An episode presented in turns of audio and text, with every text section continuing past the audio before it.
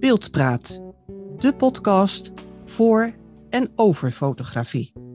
Mijn naam is Lia van Beest, fotografe. Vandaag is mijn gast Werner Pelles. Als vijfjarig jongetje kreeg hij een fotocamera en sinds die tijd heeft het fotograferen hem niet meer losgelaten. In 1994 schoot hij zijn eerste huwelijksreportage en er zouden er daarna nog honderden volgen. Momenteel is Werner vooral actief als studiofotograaf en als directeur van Beeldcentrum Fotografieopleidingen. Voor Fotografie Magazine, PF, beschrijft hij de ontwikkelingen in de fotografie. Nou Werner, van harte welkom in mijn podcast en fijn dat je de tijd kon vrijmaken om mijn gast te zijn en over je boek te praten. Ja, nou, ik vind het erg leuk om uh, jouw gast te zijn en om over, uh, en over, over het boek en over de huwelijksfotografie van gedachten te wisselen. Ja, super. hoe ben je eigenlijk uh, tot dit boek gekomen en wat wil je ermee bereiken? Nou, ik werd benaderd door uitgeverij van Dure Media. die wilde heel graag een boek over huwelijksfotografie uitgeven. En zij zochten iemand die en kon schrijven en de fotografie, huwelijksfotografie-markt goed kende. Um, en die ervaring had als huwelijksfotograaf. Ja, dat zijn, ja, ik verdeed aan al die drie die aspecten.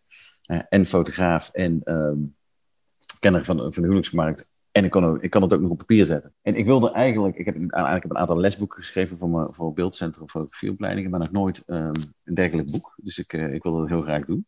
En ja. ja, het idee is om, um, om mensen die beginnen met in, in de huwelijksfotografie, heeft eigenlijk twee het boek biedt eigenlijk twee, twee, kanten. Enerzijds is het om mensen die beginnen in de huwelijksfotografie enthousiast te maken um, voor de huwelijksfotografie en ook uh, te voorkomen dat ze in allerlei valkuilen stappen door, door eh, het boek te lezen. Heb je al wat bagage als je begint in de huwelijksfotografie. En anderzijds staan er heel veel uh, informatie in van een aantal, van acht, acht interviews in met succesvolle huwelijksfotografen. En zij um, en die huwelijksfotografen, uh, die bieden natuurlijk heel veel informatie van, dan ben je wat meer ervaren fotograaf. Dat is eigenlijk, zeg maar. Uh, ja. Dus het is voor zowel voor de beginner als de gevorderde bedoeld. Ja, ja, ja, ja, En is het dan een studieboek of meer een naslagwerk? Um, ja, dat is een interessante vraag. Nou ja, een studieboek niet zin dat je er stukken uit moet gaan leren, maar wel um, dat je heel veel informatie eruit kunt halen van wat er allemaal bij komt kijken bij, bij een huwelijksreportage. Ja, want dan kom ik eigenlijk al. Je hebt het in je boek over huwelijksfotografie en reportagefotografie. Zit daar een verschil tussen? Nee, nou nee, ik denk, die, ik denk huwelijksfotografie is een vorm van reportagefotografie. Ja, en... want je zegt ook huwelijksfotografie is een hoogwaardigere vorm van reportagefotografie. Um, is nou, niet hoogwaardiger, is een hoogwaardige vorm van reportagefotografie. Uh, ja, het staat, achter, het, staat achter op, ja, het staat achter op het boek. Ja, dat heeft uh, mijn redacteur heel mooi, opgeschreven, heel mooi opgeschreven. Maar wat hij er eigenlijk mee bedoelt, is dat het... Ja? Uh, nou ja, goed, weet je, het, het, is een veel eisende vorm van reportagefotografie. Want je moet heel veel, op heel veel dingen letten en heel veel dingen kunnen. Ehm, je, je, je, hebt, je hebt heel veel taken op zo'n zo'n dag. Hè? Je, moet, je moet niet alleen kunnen foto's maken als je huwelijksfotograaf bent. Nee, klopt. En ehm, is dat uh, specialisme huwelijksfotografie volgens jou wat onderbelicht in alle specialismen van fotografie? Nee, buiten het feit dat er uh, nog geen speciale literatuur, heel weinig echte speciale literatuur over was in het Nederlands. Maar wat wel is, is dat, uh, maar dat vind ik voor de, voor de fotografie, zeg maar voor de consument, in het algemeen, dus hè, portretfotografie van particulieren en um, allerlei vormen zeg maar, van fotografie die bedoeld zijn voor particulieren, die worden door, door sommigen in de fotografie niet altijd even serieus genomen. En ik denk dat dat, dat dat jammer is en dat het ook niet terecht is, want een fotograaf die serieus en goed, uh, een, goede portretfotograaf of een goede uh, een portretfotograaf die families, gezinnen, kinderen fotografeert, uh, volwassenen, maar die in ieder geval momenten uit het leven van mensen fotograferen en een huwelijksfotograaf. Uh, dan moet echt een vakman of vakvrouw zijn. Ja, en zijn er dan ook vooroordelen wat men heeft over een huwelijksfotograaf? Of over die, die tak van fotografie? Nou ja, ik kan niet voor anderen beoordelen.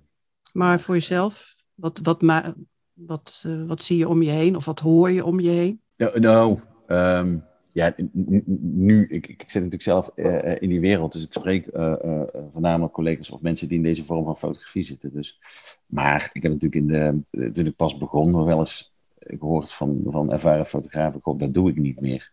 Terwijl ik, uh, ik vond het uh, altijd een heel, ik, vond ik vond en ik vind het heel dankbaar werk om te mogen doen. Ja, ja. Eh, vind je ook dat het zakelijk gedeelte in de fotografie wat te weinig aan bod komt? Want je geeft uh, ook les daar, daarin.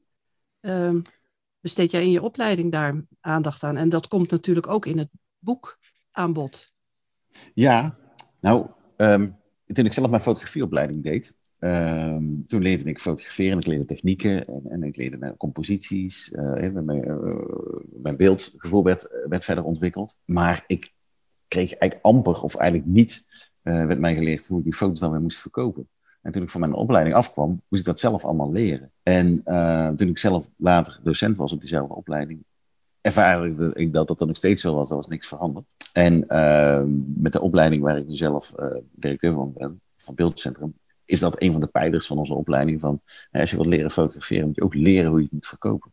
Kijk, als je een bakkers- of slagersopleiding doet, dan leer je op die, uh, op die bakkers- of slagersopleiding niet alleen brood, hoe je brood moet maken of, of, of taartjes, of, of als je slager wordt, hoe je, hoe je, het vlees moet bewerken. Maar je leert ook hoe je dat moet verkopen. En dat is voor fotografen ook belangrijk. Eh, je kunt, als je heel goed kunt fotograferen, maar je weet niet hoe je het verder moet vermarkten, ja, dan, dan heb je er niet zo heel veel aan. Als je er je beroep van wil maken.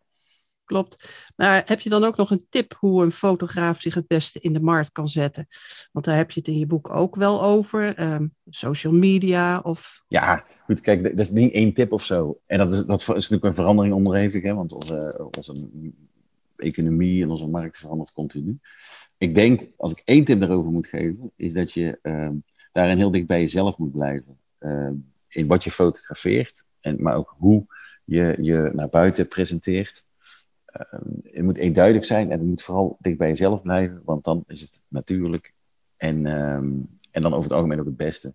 Maar goed, dat is natuurlijk onderdeel van een heel scala van dingen die je dan moet doen natuurlijk. Ja, ja ik hoorde laatst een fotograaf zeggen, je moet vooral niet nadoen, niet kopiëren of imiteren. Je moet inderdaad bij jezelf blijven. Ja, ik denk als je heel authentiek bent. En, en dan zitten er nog heel veel manieren bij van hoe je dat dan moet presenteren. Hè? Maar als je authentiek bent, dan ben je volgens mij uiteindelijk het meest succesvol. Ja. ja. En welke eigenschappen moet een huwelijksfotograaf bezitten?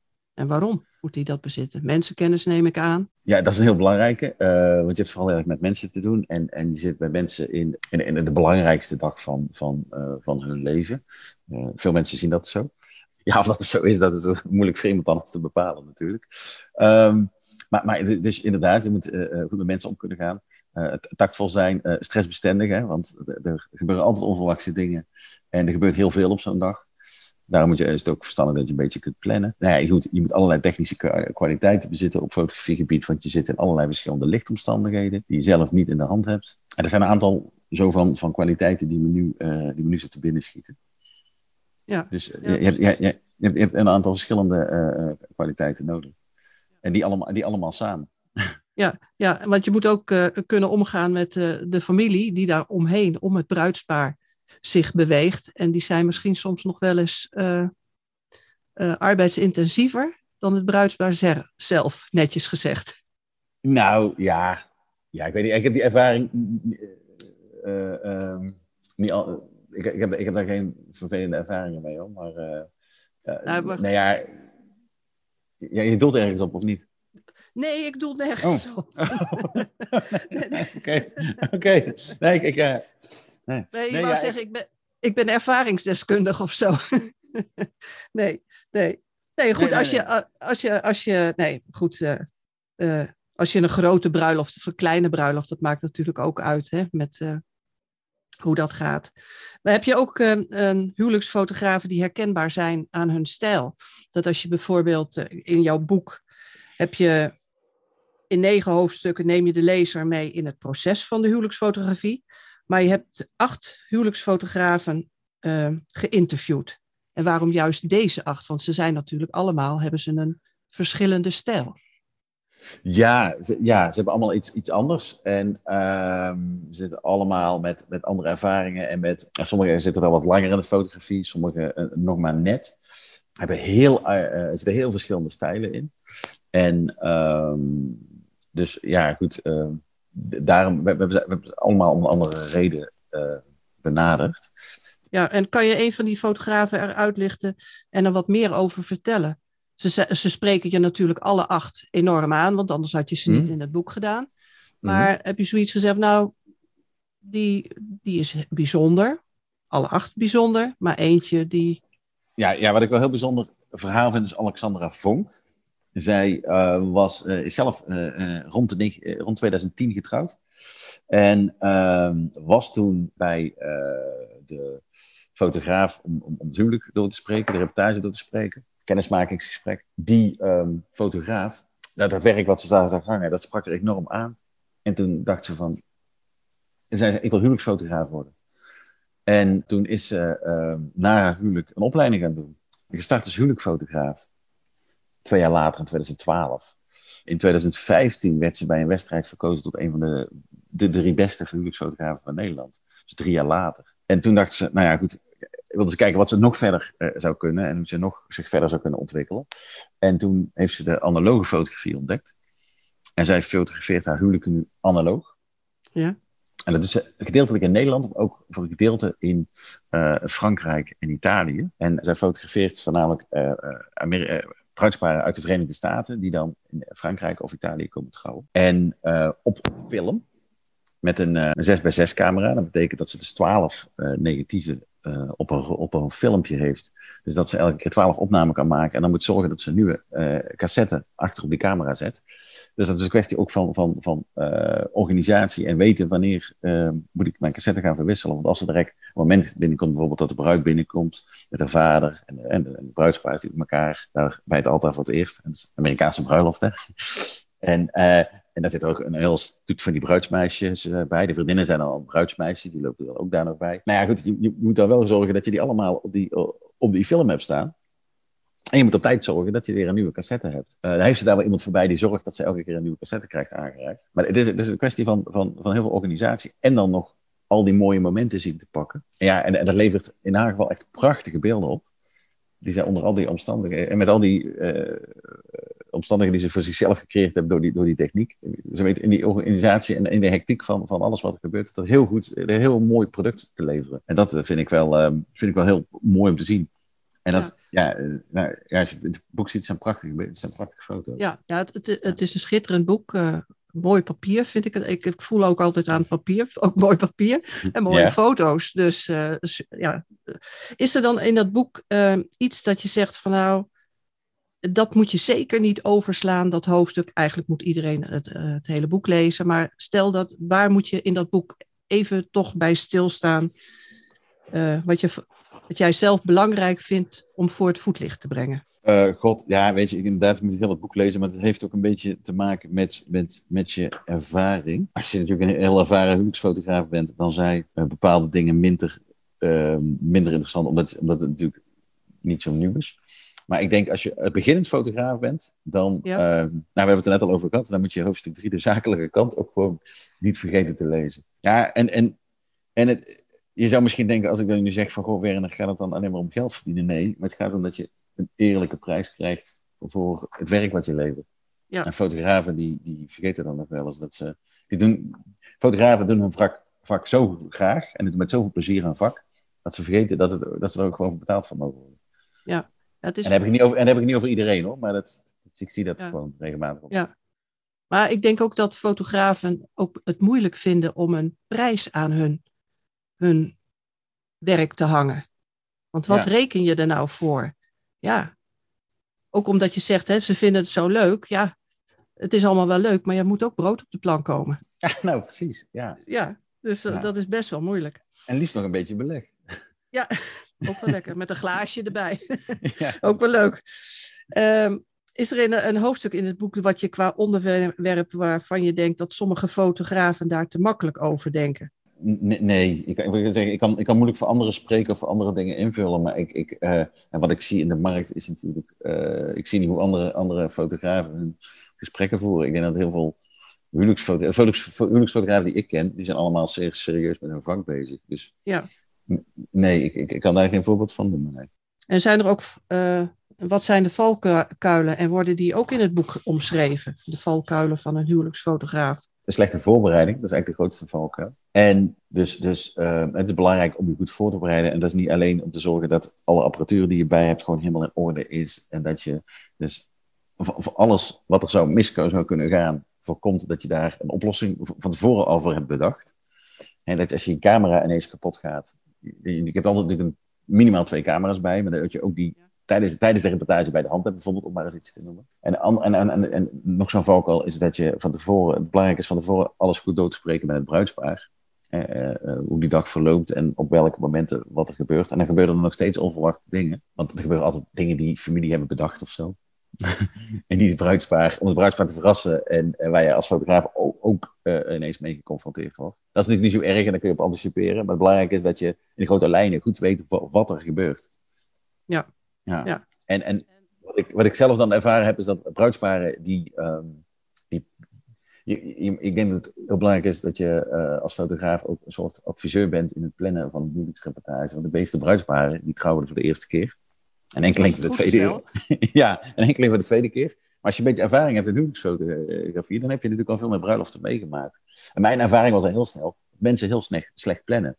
In de zin van, um, die plannen alles achter elkaar, maar die vergeten dat ze nog een keer moeten eten of naar het toilet moeten of zo. En dat het ook wel relaxed is als je gaat trouwen, dat je even een, een moment rust kan pakken. Want als je alles achter elkaar plant, dan gaat die dag veel te snel. Dus ja, eigenlijk, op zo'n manier vertel ik dat ongeveer ook wel tegen mijn bruidsparen. Dus probeer de tijd te nemen om ook af en toe even rust te pakken. Dan uh, ervaar je de dag uh, veel bewuster en dan geniet je er veel meer van. En, en dat, is, dat is dus het pluspunt voor bruidspaar. Voor jezelf als fotograaf is het gewoon fijn dat je de tijd hebt om uh, op, al, op al die momenten, die momenten tussendoor, maar ook als het minder gestrest is, dan, heb, dan ben je veel relaxter aan het fotograferen. Maak je veel ja. mooie foto's. En voor het bruidspaar is, is die dag ook veel leuker. Ja, dat klopt. Ja. Wat is dan de nachtmerrie van iedere fotograaf? Want dat hoeft niet, natuurlijk niet alleen een huwelijksfotograaf te zijn, maar vooral een huwelijksfotograaf. Het verliezen natuurlijk van de foto's, ja. de, de, corrupte ja, kaartjes enzovoort. Ja, ja dat, dat is de nachtmerrie voor de fotograaf. Dingen die ik net noemde qua voorbereiding, is het natuurlijk belangrijk om te zorgen dat je daarop voorbereid bent. Ja, je kunt nooit 100% alles uitsluiten. Maar als je uh, zorgt dat je um, uh, backup apparatuur bij hebt. Uh, ik zou altijd adviseren, je hebt tegenwoordig natuurlijk kaartjes met, waar enorm veel bestanden op kunnen. Uh, enorme grote kaartjes met enorme grote geheugen. Ik zou adviseren om altijd wat meerdere kaartjes met wat minder geheugen, of geheugen te nemen. Zodat je, ehm, als er eens een keer iets gebeurt met een kaartje, in ieder geval alle andere beelden nog hebt. Ik, ik heb nooit meegemaakt dat er iets misging. En ook met de rolletjes of zo, dat ik iets kwijt was. Maar ja, het zou je maar overkomen als fotograaf voor het bruidspaar vervelend, maar voor jou als fotograaf is het ook heel vervelend. Ja, dat, lijkt me een nachtmerrie, ja. inderdaad. Ja, dat lijkt me ook een nachtmerrie. En dat is een, ja. ja, ik wil zeggen, want je kunt het niet overdoen. Dus dat is een kwestie van uh, uh, ja, proberen daar zoveel mogelijk dingen in te bouwen om dat te voorkomen. Ja, ja. Wat, uh, wat adviseer je als basisuitrusting voor een huwelijksfotograaf qua apparatuur? Jij zei net al sowieso twee camera's. Ja, twee camera's. En dan ja, liefst van hetzelfde, sowieso van hetzelfde merk natuurlijk, maar nou, liefst dezelfde bodies zou ideaal zijn. En dat je heel makkelijk kunt overschakelen. Alhoewel ik uh, in het analoge tijdperk uh, heel makkelijk van een middenformaatcamera naar een kleinbeeldcamera kan overstappen. Dus van de andere kant, als je met alle twee de camera's gewend bent te werken, dan kan het ook wel super gaan. Verschillende objectieven voor alle twee die camera's. Ja, en wat voor objectieven? Wat de portretlens? Uh... Ja, weet je, dat ligt helemaal aan, aan, je stijl van, uh, van fotograferen. Een van de fotografen in het boek die ik geïnterviewd heb, uh, Ashwin bijvoorbeeld, die heeft vier verschillende objectieven. Uh, maar ook vier verschillende bodies bij, omdat het helemaal niet handig is om tijdens de reportage de hele tijd objectieven te moeten wisselen. Het kost allemaal tijd en, en daardoor mis je weer momenten. Maar dat betekent wel dat je dus vier, body, vier bodies met vier objectieven moet meeschouwen. Ik zelf heb het, heb het altijd beperkt gehouden tot, tot, tot twee verschillende. En ik pak dan een 2470 en een 70-210. Ik uh, gebruik die uh, eigenlijk als, als uh, nou ja goed, dan, heb je momenten dat ik wat meer van afstand kan fotograferen, zodat ik wat meer beschouwend kan fotograferen in combinatie met die beelden waarbij er wat dichter op zit. maar, er zijn, maar er zijn heel veel fotografen die ook bijvoorbeeld werken, heel vaak werken met primelenzen. Dus gewoon een vast brandpunt. Ja. Ehm, en dat, ja, goed, dat doe ik wel meer. Dat, is ook een beetje wat je zelf prettig werken vindt. Je, merkt je merkt ook dat er tegenwoordig andere manieren zijn van fotografie, fotograferen naast het gewoon met de camera. Maar men zet tegenwoordig ook allemaal drones in. Mhm. En ja, welke technieken nog meer? Iedereen heeft nou tegenwoordig zijn mobieltje bij zich. Ja, nou, er zijn weinig foto fotografen die ik ken die met een mobiel fotograferen, maar... Nee, gelukkig. nee, inderdaad. En um, nou ja, Bas Uilings, die bijvoorbeeld voor het boek uh, in het boek staat, die uh, werkt regelmatig met drones. En die werkt met een heel team. Dus je komt tijdens de reportage, kun je, uh, komen, ze altijd, komen ze altijd met twee. Hij komt altijd met een second shooter. Dus iemand die ook mee fotografeert vanuit een andere standpunt. En met een andere camera. Maar je kunt ook bijvoorbeeld een, een, iemand inhuren of iemand erbij boeken. Die dan met een drone fotografeert. Waardoor je heel ander soort beelden krijgt. En dan heb je beelden van, zeker als hij heeft vaak huwelijksreportages op landgoederen en zo. En dan heb je dus beelden van, van het bruidspaar. bijvoorbeeld als ze aankomen op de trouwlocatie en ook beelden vanaf boven. En hij gebruikt die drone ook bij, um, bij, bij, bij, de, bij de rippen, eh, als hij met bruidspaar voor de shoot op pad gaat, gebruikt hij, uh, gebruikt hij die drone ook. Ja. En mij maakt bijvoorbeeld ook gebruik, gebruik van, een onderwater, eh, met, van, van een onderwatercamera. Dus weet je, dat zijn wat, wat nieuwe technieken. Ja, dat zag ik. Dat is een hele mooie foto van dat bruidspaar onder water. Ja. Echt prachtig. En dan zou natuurlijk denken, welk bruid gaat, gaat er op zijn trouwdag onder water? Ja, en dat, dat, eh, dat, dat is ook niet op de trouwdag zelf gemaakt. Ehm, ik, ik kan er iets over vertellen hoe dat is gemaakt. Ik weet niet of dat daar gelegen is. Dat, okay. Ja, ja. ja. Um, nou ja, hij biedt... Um, hij had bijvoorbeeld een aantal prachtige foto's gemaakt in het buitenland hangen in zijn studio, Bas. En toen vroeg op een gegeven moment een, een bruidspaar dat bij hem op bezoek was, van goh, Bas, uh, prachtige foto's, we zouden we ook wel willen. Ja, trouwen in Utrecht. En uh, nou ja, daar, daar, heb je natuurlijk geen ondergaande zon. Ieder geval heb je wel ondergaande zon, maar niet aan de zee. En daar heb je geen bergen. Toen uh, zei hij van, nou, ik kan wel met jullie mee op huwelijksreis. Ja, goed, uh, fotograaf mee op huwelijksreis is nogal een, een prijzig, prijzig geval.